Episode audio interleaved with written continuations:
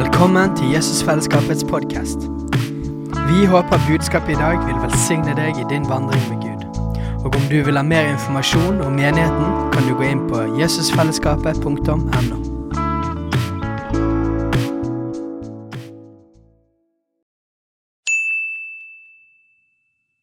Hei! Visste du at Jesusfellesskapet starter en ny bibelskole til høsten? Den heter Jesusskolen og starter den 3. september. Gå inn på jesusskolen.no for mer informasjon.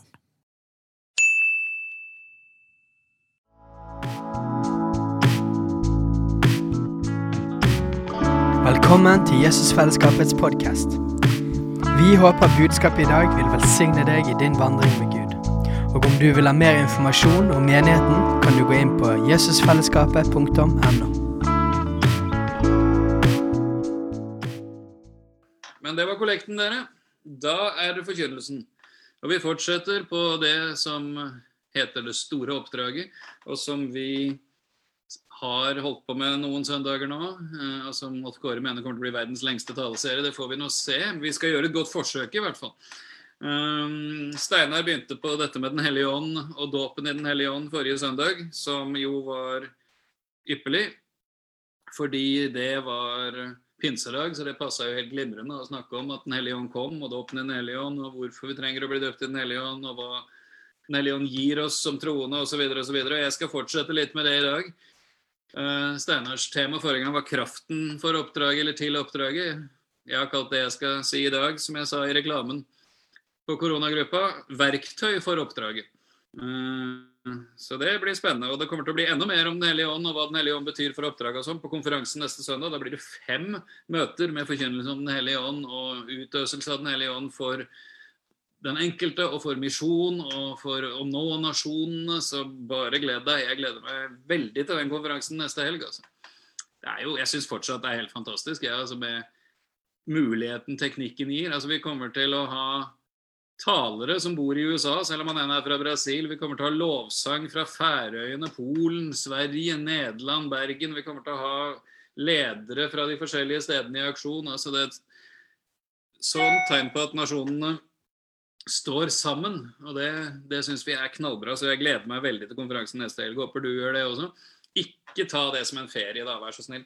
Ikke tenk at ja, men det er jo ikke vanlig Jesusfest, så da da er det jo ikke noe som jeg trenger å være med på. Da, da kan alle andre i hele verden se på det. Så jeg tror dette er viktig. Jeg tror dette blir noe som gir uh, en, en, boost og en forløsning av noe som uh, du og jeg trenger.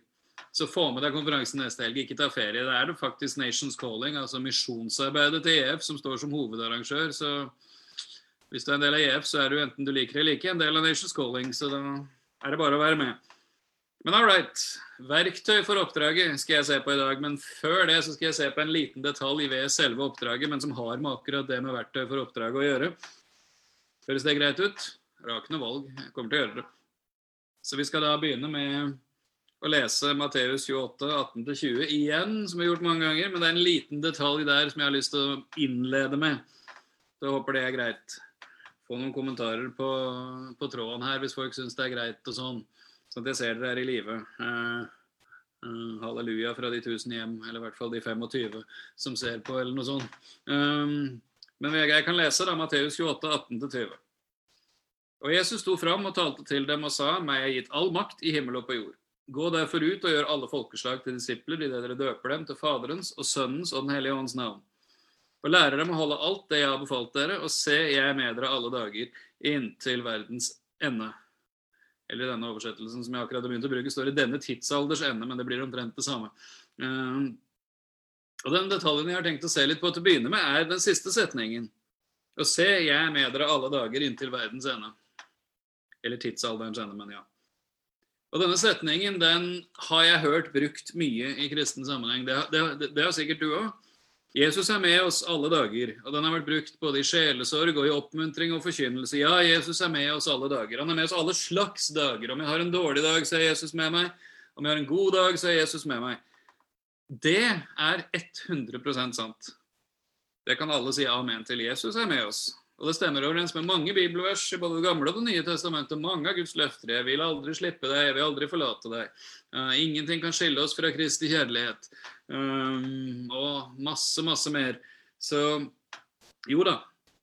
Men den setningen brukes veldig ofte sånn, løsrevet fra resten av de versene jeg leste. Og det stemmer ikke helt. Eh, for setningen begynner ikke 'Jeg er med dere alle dager'. Setningen begynner 'Og se, jeg er med dere alle dager'. Ja, ja, ja. Ok, da. Hva har det med saken å gjøre, da? Uh, takk for et amen der fra Nordhordland. Uh, den begynner med 'og'. Og når jeg gikk på skolen, så lærte jeg at 'og' det er et sånn bindeord. Det binder sammen det som kom før, og det som kommer etterpå. For eksempel um, gutt og jente. Da binder og sammen at det er en gutt og en jente. Og Hvis det står og først, så betyr det at det skal bindes sammen med det som kommer før. Og så står det også se. Det betyr erfar, opplev.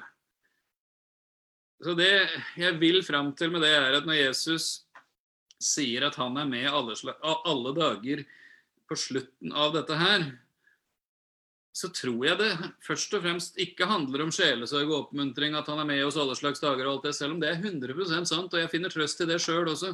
Jeg tror rett og slett det handler først og fremst om at Jesus er med oss alle dager på en spesiell måte når vi fokuserer på det oppdraget han ga oss i versene før.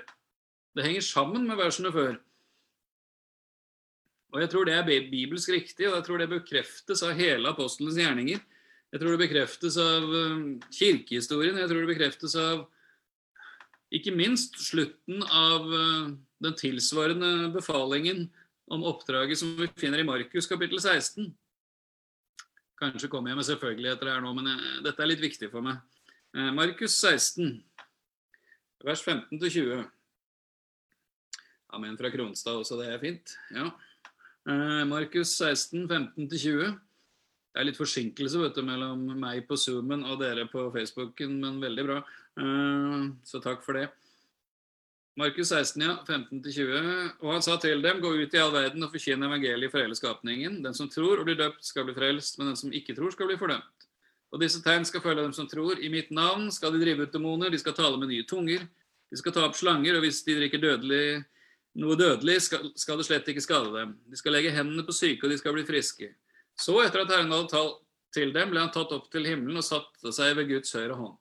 Og de gikk ut og forkynte overalt, og Herren virket sammen med dem og stadfestet ordet ved de tegn som fulgte med. Og igjen så er det siste verset som er poenget, vers 20 i Markus 16. De gikk ut og forkynte overalt, og Herren virket sammen med dem og stadfestet ordet med de tegn som fulgte med. Jeg tror det er på den måten Jesus sier at 'jeg er med dere alle dager inntil verdens ende', i å gjøre oppdraget. Skjønner? Sagt på en litt annen måte Hvis vi er opptatt av det Jesus er opptatt av, så vil han gi kraft til å gjøre det han er opptatt av. Høres ikke det logisk ut? Jeg syns det høres logisk ut. Jeg er redd for at i veldig mye karismatisk kristenhet så har Den hellige ånds kraft, Guds nærvær, åndens gaver og sånne ting blir gjort til noe vi har for oss sjøl på møter og samlinger. Noe som styrker, oppmuntrer og oppbygger oss. Og det er overhodet ikke feil. Syns det er veldig bra, jeg. men det er absolutt ikke alt. Den hellige ånds kraft, Den hellige ånds utøselse, dåpen i Den hellige ånd, kall det hva du vil, er ikke bare for internt bruk. Det er ikke bare indremedisin, for å si det sånn. Um, det er ikke bare noe som Jesus tenkte skulle være for oss som allerede kjenner Han. Og Apostlenes gjerninger 1.8, som vi har hørt noen ganger, og som ble forkynt over forrige gang også, sier jo noe tydelig om det, om hva denne kraften fra Den hellige ånd er til. Dere skal få kraft i Den hellige ånd kommer over dere, og så skal dere være mine vitner. Ikke dere skal få kraft i Den hellige ånd kommer over dere, og så skal dere ha mange herlige møter i Guds nærvær. Selv om vi liker herlige møter i Guds nærvær. Det er herlig når mennesker blir døpt i Den hellige ånd. Det er herlig når vi blir fylt av glede. Vi ler og koser oss sammen med Jesus. Eh, opplever Guds nærvær. Folk blir helbreda. Mennesker blir profetert over. Eh, oppmuntra, bekrefta og sånne ting. Jeg elsker det der. Jeg er uh, Ja, hva skal jeg si? Jeg er sånn karismatisk junkie. altså Jeg får ikke nok.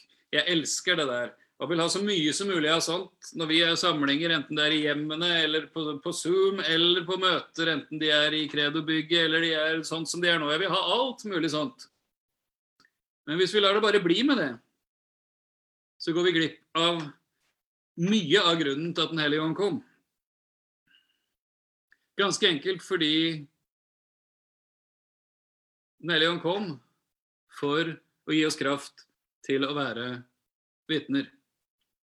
Hellige kom for å gi oss kraft til å utføre oppdraget. Og Jesus har lovt på en spesiell måte å være med når vi er opptatt av å utføre oppdraget. Høres ikke det rett og rimelig ut, da?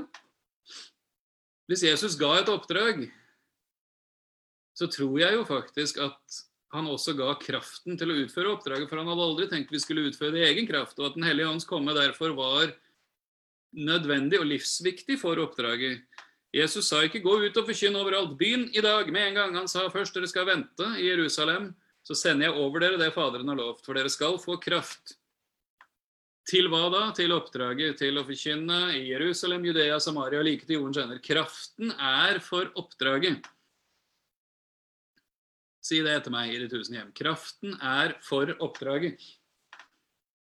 Så jeg lurer på, en god del av dere som ser på, har gått på Veien bibelskole tidligere, eller nå Impact, og, eller har vært med på misjonsturer, både som Nations Calling og JF har arrangert, eller, eller andre team- og misjonsturer. Hvor mange har opplevd at det skjer mye mer action og spennende ting når vi er på sånne turer, enn det det gjør i hverdagen hjemme? Har noen opplevd det? Jeg, jeg, har opplevd det mange ganger. Rekk opp en hånd hvis du har opplevd det. Ja da, ja da. Har du noen gang lurt på hvorfor? Hvorfor er det sånn? Misjonstur, vet du. Folk blir helbreda, folk blir eh, frelst, folk blir satt fri fra demoner, vi profeterer og vi styrer på, og det skjer masse herlig. Jeg tror det er rett og slett fordi når vi er på sånne turer, så er vi spesielt fokusert på det oppdraget som Jesus ga. Og da er Jesus med på en spesiell måte. Samtidig så tror jeg absolutt at Jesus ønsker å være med oss alle dager, også hjemme. Også hjemme alle slags dager. Hjemmedager, hverdager, helligdager, søndager, mandager, tirsdager, onsdager. Men når vi er hjemme i hverdagen, så er vi ikke så fokusert på oppdraget. Og Her er jeg like skyldig som alle andre, selv om jeg til og med jobber i menighet og bibelskole og alt mulig. ikke sant? Altså, hverdager blir veldig ofte hverdager. Det er kjøring dit, henting der, eh, jobbe, hjem, familie, ting på kvelden, tidsklemme og you name it. Så jeg har full forståelse for at når det gjelder oppdraget i hverdagen, så må vi klare å finne måter å gjøre det på som ikke blir stress, kav og krav. Vi er, vi er lei av stress og kav og krav, er vi ikke det? Men det kan være vi hadde opplevd mer i hverdagen med Jesus og mer av hans kraft virkende gjennom oss hvis vi hadde vært mer fokusert på oppdraget i hverdagen også. Jeg tror det tror det vil gjelde for de fleste av oss. Jesus har lovt å være med oss på en spesiell måte i oppdraget. Og, og Derfor kommer jeg nå til temaet endelig, da. men jeg måtte ta den runden der, for dette er jeg kjent på at er viktig. Ikke som fordømmelse, men som en mulighet. Jesus er med spesielt når vi fokuserer på oppdraget han har gitt oss. Og han har også gitt verktøy, verktøy for oppdraget. Verktøy for oppdraget. Verktøy er fint, vet du. Hvor mange av dere liker verktøy? Jeg vet Vegard liker verktøy, f.eks. Uh, jeg liker verktøy, særlig i hendene på andre som kan bruke de. Men jeg liker også verktøy. Jeg er ikke veldig hendig. Jeg sa en gang for mange år siden at en kamerat og han har konfrontert meg med det mange ganger. Disse hendene her duger bare til å legges på mennesker, men det er jo bra, det. Og noen, noen, noen skal gjøre det. Alle skal gjøre det, men ja. Ikke veldig teknisk, ikke veldig praktisk, men verktøy er fint. Og en definisjon på verktøy for meg er et redskap som fokuserer kraft på rett måte. Vi trenger ikke bare kraft til oppdraget, vi trenger verktøy til oppdraget. Verktøy fokuserer kraft på rett måte. For å bruke et par dumme illustrasjoner på det, bare sånn at du skjønner hva jeg mener. Verdens sterkeste mann, han kan sikkert, eller kvinne for den saks skyld, som er mye sterkere enn meg, har ikke noe med kjønn å gjøre, uh, kan sikkert felle eh, forholdsvis store trær med bare henda. Men selv de kommer til kort hvis treet blir stort nok. Men du behøver ikke være forferdelig sterk for å felle et tre hvis du har en øks eller en sag. For da har du et redskap som fokuserer kraften på en sånn måte at han gjør det det var ment at han skulle utføre. Verktøy. Redskap som fokuserer kraften. På samme måten, hvis du skal skifte hjul på bilen, så kan du selvfølgelig gå løs med bare hendene på og begynne å skru løs hjulmutter og sånne ting. Lykke til. Men hvis du har et sånt verktøy, en sånn sak til å få skrudd av hjulmutteret, så blir det veldig mye enklere. Da. Du bør ikke være verdens sterkeste engang da, for å klare å skru av en hjulmutter. Altså. Uh, verktøy. Redskap for å fokusere kraften. Så husk det. Og Den hellige ånd har gitt oss verktøy. Uh, den hellige ånd har gitt oss verktøy, redskaper, for å fokusere hans kraft, for å gjøre ting som han ønsker å få gjort. Og disse verktøyene de kalles for åndens gaver. Alle sier åndens gaver. Enhver karismatiker elsker åndens gaver, så si åndens gaver. Ja. Ingebjørg sier det bak her, det er bra. Alle som er født på ny, kan bli døpt i Den hellige ånd. Alle som er døpt i Den hellige ånd, får del i åndens gaver. Jeg vet at det er mulig å fordele gavene uten å være døpt i Den hellige ånd også, men det funker veldig mye bedre hvis man er døpt i Den hellige ånd. Så la oss ikke diskutere det. Jo da, du kan få lov å funke i gavene uten å være døpt i Den hellige ånd, men du kan veldig mye lettere fungere i gavene når du er døpt i Den hellige ånd. Så vi, vi lar det være der.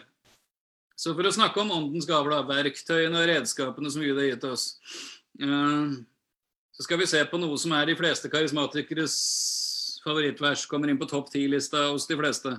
Uh, første Korinterbrev 12. Er du klar for litt første Korinterbrev 12? Fra vers 4 til 11.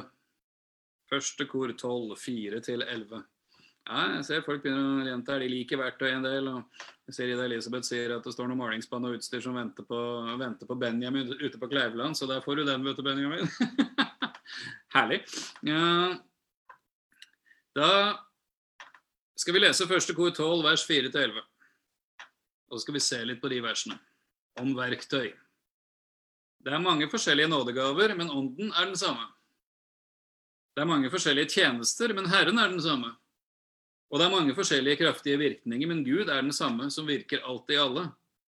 Men åndens åpenbaring blir gitt til hver enkelt etter hva som er gagnlig. For til en blir det gitt visdomsord ved ånden, til en annen kunnskapsord ved den samme ånd, til en annen tro ved den samme ånd, til en annen nådegaver til å utføre helbredelser ved den samme ånd, til en annen kraft til å gjøre undergjerninger, til en annen profetisk gave, til en annen å prøve ånder, til en annen forskjellige slags tunger, til en annen tydning av tunger. Men den ene og samme ånd virker alle disse forskjellige nådegavene og deler ut til hver enkelt slik han vil. Halleluja. Vi tar et halleluja på det. Det, det er sånne halleluja-vers, dette her, er ikke det? da? Ok, så Vi begynner med å se på vers 4-7. Jeg ser ut treenigheten i aksjon. Det er forskjellige ting, og ånden er den samme, Herren er den samme, Gud er den samme. Så så her skilper jeg der får du også, Det er en trinitarisk formel her i første kore 12, vers 4-7. Halleluja. Eh, Alt sammen er altså fra Gud. Nådegaver, tjenester, kraftige virkninger. Alt er åndens forskjellige åpenbaringer, eller verktøy, om du vil. Åpenbaringer av ånden, verktøy som ånden har gitt for å gi seg til kjenne, og for at Gud skal berøre mennesker. Gitt til alle pastorer, apostler og profeter, evangelister, hyrder og lærere, så alle vi andre kan se på. Nei, gitt til hvem? Til hver enkelt. Er ikke det herlig, da? For å sitere vår gamle forbilde og venn John Wimber. Når det står 'til hver enkelt', så har jeg slått opp det, og det betyr 'til hver enkelt'. Hver eneste en. Etter hva som er gagnlig, altså etter hva som er fungerende, hva som er bra, hva som er nyttig i situasjonen. Er ikke det bra, da? Den hellige ånd ønsker å gi oss åpenbaring på forskjellige måter som er nyttig og tjenlig i enhver situasjon. Syns det høres helt glimrende ut for min del. altså. Ok, Vi skal se litt på hva disse forskjellige er. da. Dette her, Hvis du ønsker mye dypere og inngående kunnskap og undervisning om dette her, ta deg et år på Impact. Ellers så må vi nok på en eller annen tidspunkt ha noe sånn kveldsbibelskole om nådegavene igjen en eller annen gang.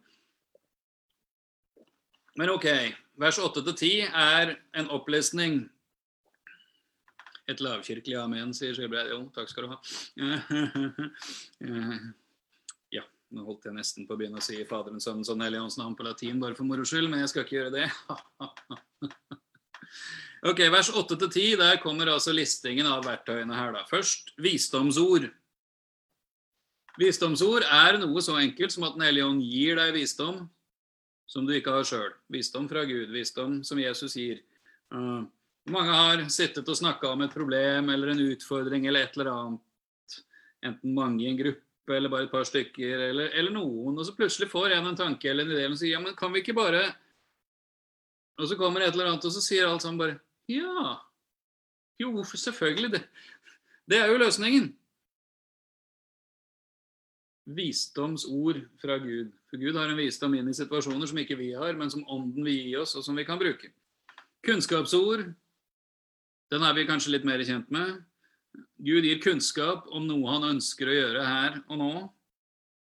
Helbredelser, befrielser, kunnskap inn i noens situasjon for å være med å forløse et eller annet. Mange eksempler på det. Og så kan vi få tro. Og da er det ikke snakk om den troen vi har fordi vi tror på Jesus, tro til å bli frelst, men det er altså en tros gave. altså At Den hellige ånd kommer med en slags supertro, en overbevisning om at dette kommer til å skje, eller sånn blir det, dette går vi for, sånn er det. En trosgave som gjør at du bare vet at du vet at du vet at sånn blir det, selv om alle andre syns du er gal, f.eks. Uh, jeg har opplevd det noen ganger. Det er gøy. Det er veldig gøy. Uh, turbotro. Halleluja. Helbredelser i flertall, ja. Da deler Den hellige ånd ut helbredelser til mennesker gjennom oss. Herlig, vet du. Elsker å se mennesker helbreda. Håper det er flere som gjør det. Undergjerninger det er altså ting som går utover helbredelser. F.eks. det er forskjell på at jeg har vondt i en arm, smerte i en arm, og så blir jeg bedt for, og så blir smerten borte. Det er en helbredelse. Hvis jeg derimot ikke hadde en arm å bli bedt for, og jeg får en arm, det er en undergjerning, bare for å ta en enkel forklaring. Eh, jeg klarer for mer av de der, altså. Undergjerninger, mektige gjerninger. Jeg klarer for mer av det. altså. Kan vi få noen amen på det òg? Vi klarer for mektige gjerninger. Og profeti. Uh, profeti vet vi hva er. vet du. Altså, ord fra Gud om hva han ser i mennesker, gullet i mennesker, potensialet i mennesker, i kallet og det han, som han har foran, eller inn i situasjoner, eller advarsler om ting som skal komme, som vi skal være forberedt på. Ting som har med framtid, ting som har, begynner i nåtid og har med framtid å gjøre. For enkeltmennesker, for menigheter, for arbeid, for hele verden, for den saks skyld. Profeti er fint. Mm -hmm. ja, ja, ja, ja, det er helt rett, Sigvald. Du har gått to år på Impact. Det hadde aldri i verden vært det samme uten deg. Uh, så har du det å prøve ånder. Kunne hatt en hel søndag bare på det, men det skal vi ikke ha. Uh, det er rett og slett å få åpenbaring ved Den hellige ånd på hva slags ånd, ånd som er på ferde. Både om noe er Gud eller ikke Gud, men også om noe, hva slags type åndsmakter som er reaksjon, som vi kan binde øh, og jage vekk og forløse Guds nærvær, eller kaste ut av mennesker og sånne ting. Gaven til å prøve ånder. Elsker den. Uh, uh, Håper du elsker det nå. Hvis ikke så skal vi snakke om det på en annen gang. Og så har du tunger og tydning. Da snakker vi altså om tunger som blir gitt som budskap, som skal tydes for at mennesker skal få del i et budskap fra Gud. Det, det er sånt som gamle pinsevenner ofte hadde mer enn det vi har, men det hender nå vi har det også. Veldig stilig det også, så jeg liker det. Så dette er verktøyene, da, som Den hellige ånd gir. Og det avsluttes i vers 11. Men den ene og samme ånd virker alle disse forskjellige nådegavene og deler ut til hver enkelt slik han vil. Den hellige ånd virker altså alle disse gavene. Det er altså ikke eksklusive greier som jeg har, eller jeg har fått, som er min. Det er Den hellige ånd som virker alle disse gavene, og deler ut. Det er altså åndens gaver, det er ikke mine gaver. Det er ikke anerkjennelsesgaver for at jeg er mer åndelig enn noen annen. funker ikke sånn i det hele tatt. Det fins masse kristne sammenhenger som har tenkt at å, wow, det skjer jo så heftige ting gjennom den personen. Den personen må ha alt på stell. Det er jo bare tull. Den hellige ånd har alt på stell, ikke personer. Vi er redskap Nei, vi er ikke redskap engang. Det er Den hellige ånd som har verktøyene. Vi er bare kanaler som det flyter gjennom. Så det er den ånden som både virker og deler ut. Til hvem da? Til hver enkelt, og slik som han vil. Ikke som jeg vil, men som han vil. Eh, og, og som er gagnlig, altså. Altså dette er noe som tjener situasjonen, som vil gjøre noe bra, osv., osv. Men når vil Den hellige ånd dette, og når er det gagnlig? Eh, Jeg tror faktisk at Den hellige ånd vil dette her veldig mye oftere enn det vi vil. Ja, ja nå sier Magnus nå at å bedømme ånder trenger ikke være oppdaget djevelen, kan like gjerne være se engler eller Den hellige ånd i aktivitet. Ja da, ja da. Helt klart. Det er så mye å si her. vet du. Kunne hatt en søndag om hver av disse gavene, vet du. Så ja da. Så eh, gjør som man gjør. Ta det jeg sier i beste mening, og ikke tenk at det jeg ikke har sagt, det mener jeg ikke. eh, jeg tror Den hellige ånd vil forløse disse gavene mellom oss og gjennom oss mye oftere enn det vi tenker. Og at Hvis vi fokuserer mer på hva vi gjør gjennom oss, så vil det faktisk også skje mer, tror jeg. For det, det står ikke på Den hellige ånd. Han er utgitt, og han ønsker å gjøre disse tingene. Men derfor står det i 1. Korinterbrev 14 vers 1, for å holde oss i første kor. Første kor 14, 1. Jag etter kjærligheten og søk med iver etter de åndelige gaver. Ikke jag etter kjærligheten og vær åpen for uh, å, å bli brukt i de åndelige gaver en gang iblant. Søk med iver etter de åndelige gaver. Søk med iver. Let ivrig. Still deg inn på den kanalen. Så det er ikke nok å være åpen. Og hvordan søker vi med iver å få de åndelige gaver, da? Du kan be om det, selvfølgelig. Gud, gi meg mer av åndelige gaver. Gi meg mer å bli brukt av din Hellige Ånd. Jeg vil være en som bruker dine verktøy. Jeg vil være en som er et redskap for å forløse din kraft. Og det kan også skje gjøres helt konkret. Jeg har fått sitert en gang en jeg, en jeg kjenner var på et seminar med Reinhard Bunke, gamle verdensevangelisten som døde i fjor. Um, Seint i fjor. Fantastisk mann. Uh, Han fikk et spørsmål en gang på en ledersamling. Uh, hvem tror du, var det en som sa, at Gud gir gav, nådegaver til å helbrede? Det er et veldig godt spørsmål. Hvem tror du, Reinhard Bunke, Gud gir nådegaver til å helbrede? Reinhard Bunke tenkte seg om i noen få sekunder sånn Jeg tror Gud gir nådegaver til å helbrede til de som ber for syke. Så Det er en måte å søke med iver og få den åndelige gaven, altså som det er og helbredelser er. Gud ser oi, her er et menneske som ønsker å bli brukt til helbredelse fordi den faktisk gjør noe som går i den retningen. Da pøser jeg på med kraft til det, vet du. Eller hvem gir Gud det å tale profetisk, da? Mennesker som faktisk våger å tro at Gud taler til dem, sånn som han har beskrevet, gjerne tanker, følelser, inntrykk osv., og som våger å gå på det og på en ikke-truende måte deler ting med mennesker. Da ser Gud en som her er en som ønsker å bli brukt til dette her, en som er ivrig på å bli brukt til dette her. Da skal du få mer. Den som er tro i smått, blir satt over det som er større. Sant? Sånn er det. Søk med iver. Ja, men tenk om du blir feil, da. Hvis du gjør ting på en høflig, vennlig, kjærlig og ikke-truende måte, så gjør det ikke noe om det blir feil. Da funker det bra for det. Jeg har vært med på å bomme så det synger på kunnskapsord, og så sier mennesket at den har vondt et helt annet sted, og så blir personen helbreda på det isteden. Jeg liker å ta feil på den måten, altså, eksempel. Eller jeg har bomma så det holder på kunnskapsord. og Det skjer ingenting, men jeg fikk en god prat med personen. Det funker, det òg. Og så er det en ting å si da om disse versene her i første kor 12 som vi har gått igjennom. Og det er at De står i en setting i første korinterbrev som handler om hva som skjer når vi kristne kommer sammen, og hva som skjer på møter. De begynner i kapittel 11. Hvordan er det da, brødre, når dere kommer sammen? Så er det snakk om nattverden først, og så går vi over til nådegavene, og det fortsetter hele veien. Kapittel 13 forteller om kjærligheten som vi skal ha i dette her. Kapittel 14 gir enda mer opplæring i hva som skal skje når vi kommer sammen. Men vi må ikke begrense Den hellige ånd og åndens gaver til å bare gjelde når vi kommer sammen som kristne. For det Den hellige ånd vil gi av, av åndens gaver til enhver ettersom det er gagnlig overalt. Uansett hvor vi er. For, men samtidig så er vi som regel ikke så åpne for det når ikke vi er sammen som kristne. De fleste er ikke det, altså. Jeg har vært borti mennesker, meg sjøl inkludert, som kan profetere over mennesker, be for syke, komme med kunnskapsord, se helbredelser. Masse sånt på møter og husgrupper og sånne ting. Vet du. Vi elsker jo det. Ja og amen og 100% Men når vi er ute blant mennesker som ikke kjenner Jesus, så forventer vi ikke det. Og Derfor så har vi ikke skrudd på den kanalen. Skjønner du meg? Jeg ser at ok, jeg begynner å gå litt over tida her, men, men, jeg vil ikke lande ennå, altså beklager. Men, her, og hvis vi ikke er på den kanalen, så søker vi ikke med iver å få åndelige gaver når vi er der ute. Og hvis vi ikke søker med iver å få åndelige gaver når vi er der ute, så er vi ikke åpne for å ta imot. Og jeg tror Den hellige ånd ønsker å berøre mennesker som ikke kjenner Jesus, med sin kraft. Med åndens åpenbaringer, med åndens gaver. Det overnaturlige i kristenlivet gir åpninger inn i ufrelste menneskers liv som er kraftigere enn bare ord og det å vise kjærlighet og omsorg. Vi skal gjøre veldig det, og vi skal forkynne evangeliet med ord. Vi skal vise kjærlighet, nåde og barmhjertighet. Vi skal komme tilbake til det.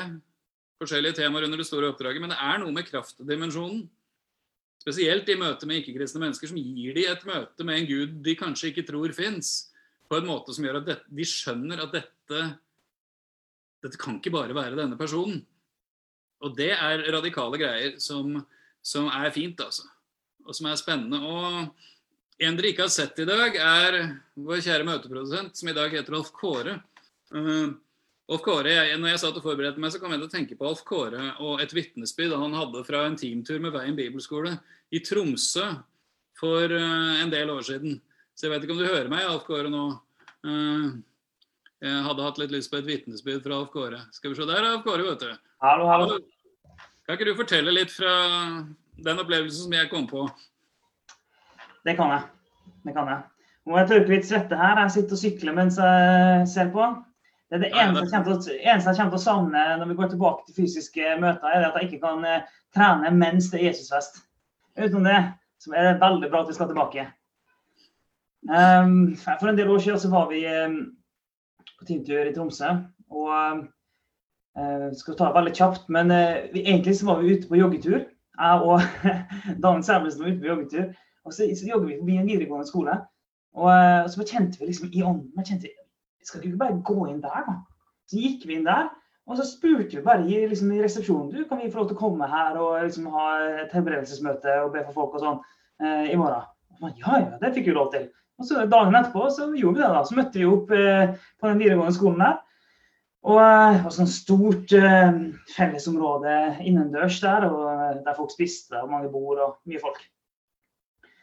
Og så eh, gikk jeg egentlig bare bort til et bord med en del elever. Og tenkte jeg skulle få bare begynne å snakke. Se hva som skjer. Og så jeg, begynner jeg å snakke spesielt med en jente som sitter der. Og, og mens jeg snakker med henne, så ser jeg bare for meg et soverom. Og det var um, litt rart. Jeg hadde heldigvis lært meg at hvordan Den hellige ånd taler, så jeg skjønte at Gud kunne være på det.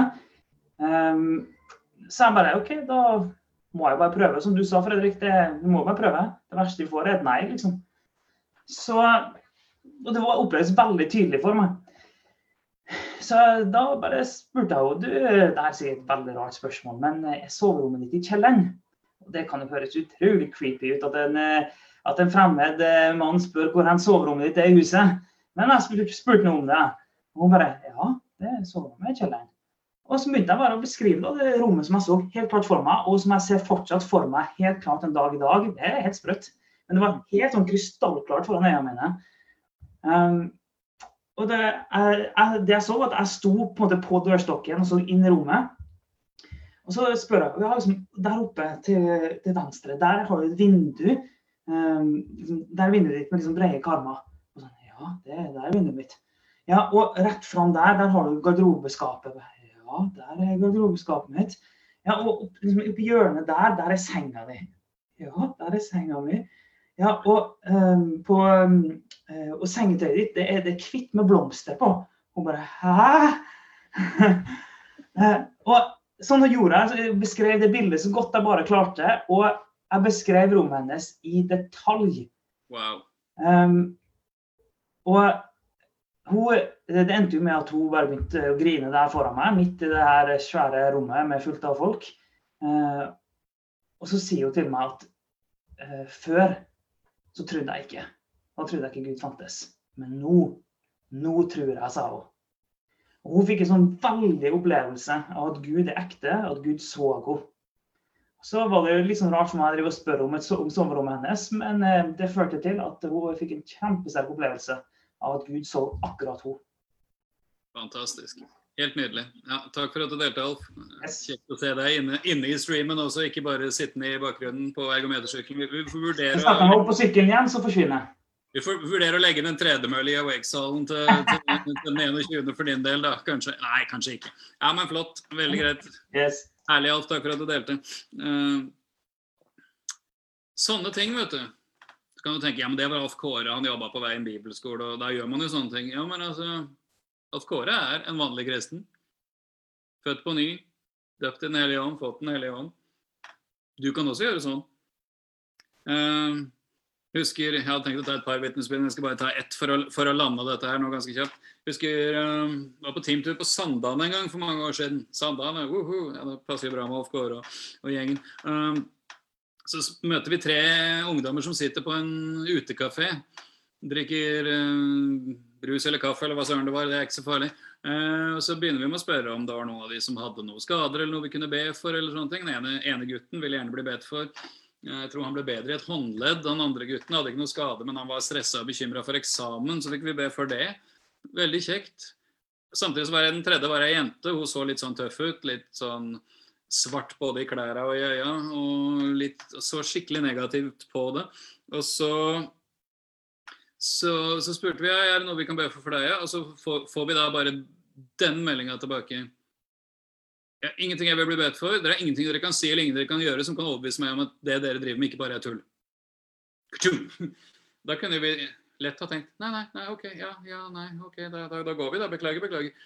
Uh, og jeg er veldig fredelig sånn, og jeg er ikke veldig pågående. Jeg er faktisk så lite pågående at elevene pleier å pushe meg hvis jeg er med på evangelisering og sånne ting. Um, så, men så fikk jeg en tanke, og så sier jeg ja, men altså Det kan godt være det ikke er noe du har behov for å bli bedt for i forhold til, men uh, du har ikke en far som er syk, da. Og så forandrer hele ansiktsuttrykket på seg, og så sier hun jo, jeg har det. Så sier en av elevene som er med, det kan vel kanskje være at egentlig så er du sint på Gud fordi du er litt skuffa. Fordi du, når ingen andre hører på eller ser inne på rommet ditt, så har du faktisk bedt til Gud om at han skal gjøre faren din frisk. Kan det være sånn? Så ser du at tårer begynner å komme i øye, øyekroken på henne. Og så henter hun seg inn, og så sier hun bare til de to gutta 'Vi må gå'. Og så gikk de. Men jeg tror jo hun ble berørt av noe som bare hadde med en sånn enkel tanke Faren er syk. Hva som skjedde videre, vet jeg ikke. Jeg har aldri møtt henne igjen. Men altså, det er bare et eller annet sånn Den hellige ånd gir verktøy for oppdraget med å nå ut til mennesker med evangeliet og gjøre mennesker til disipler. Og jeg tror at kraften følger oppdraget, og at Den hellige ånds gaver og verktøy de gis på en spesiell måte i sånne situasjoner hvor vi står i berøring med mennesker som ikke kjenner Jesus. Jeg vet at det ikke er lett, jeg vet det er innmari utfordrende. Jeg er kanskje en av de minst frimodige menneskene jeg kjenner. øh, Så jeg har sikkert gått glipp av tusenvis av muligheter til å gjøre noe sånt. Men så er det det med de gangene man faktisk våger å la seg bruke av Gud på den måten, og faktisk er på den kanalen, at da kan det skje fantastiske ting. Og det vil Den hellige ånd gjøre gjennom oss. Både på møter, i disippelgrupper, men også ute på jobb, på skolen, i nabolaget, blant venner og familie. Selv om det kanskje koster mer der, så kan også resultatene bli mye mer spennende der. Verktøy for oppdraget, redskap for å fokusere kraften, som gjør at mennesker som ikke kjenner Jesus, kan få et møte med han, og som gjør at vi kan få være redskaper til å se at mennesker blir gjort til disipler. Jeg syns det er herlig. Da tror jeg vi skal lande den. Halleluja. Hei, alle sammen. Det er Katrine og Steinar Lofnes her. Vi er hovedledere for Jesusfellesskapet. Så kjekt du har lyttet til denne podkasten. Har du forresten hørt noen av de andre podkastene våre? Ukens tale, Disippelskolen, Hyrdepodden, Kulturkrigen og Mammas hjerte. Du finner disse podkastene på Spotify, Apple Podkaster og på nettsiden vår jesusfellesskapet.no.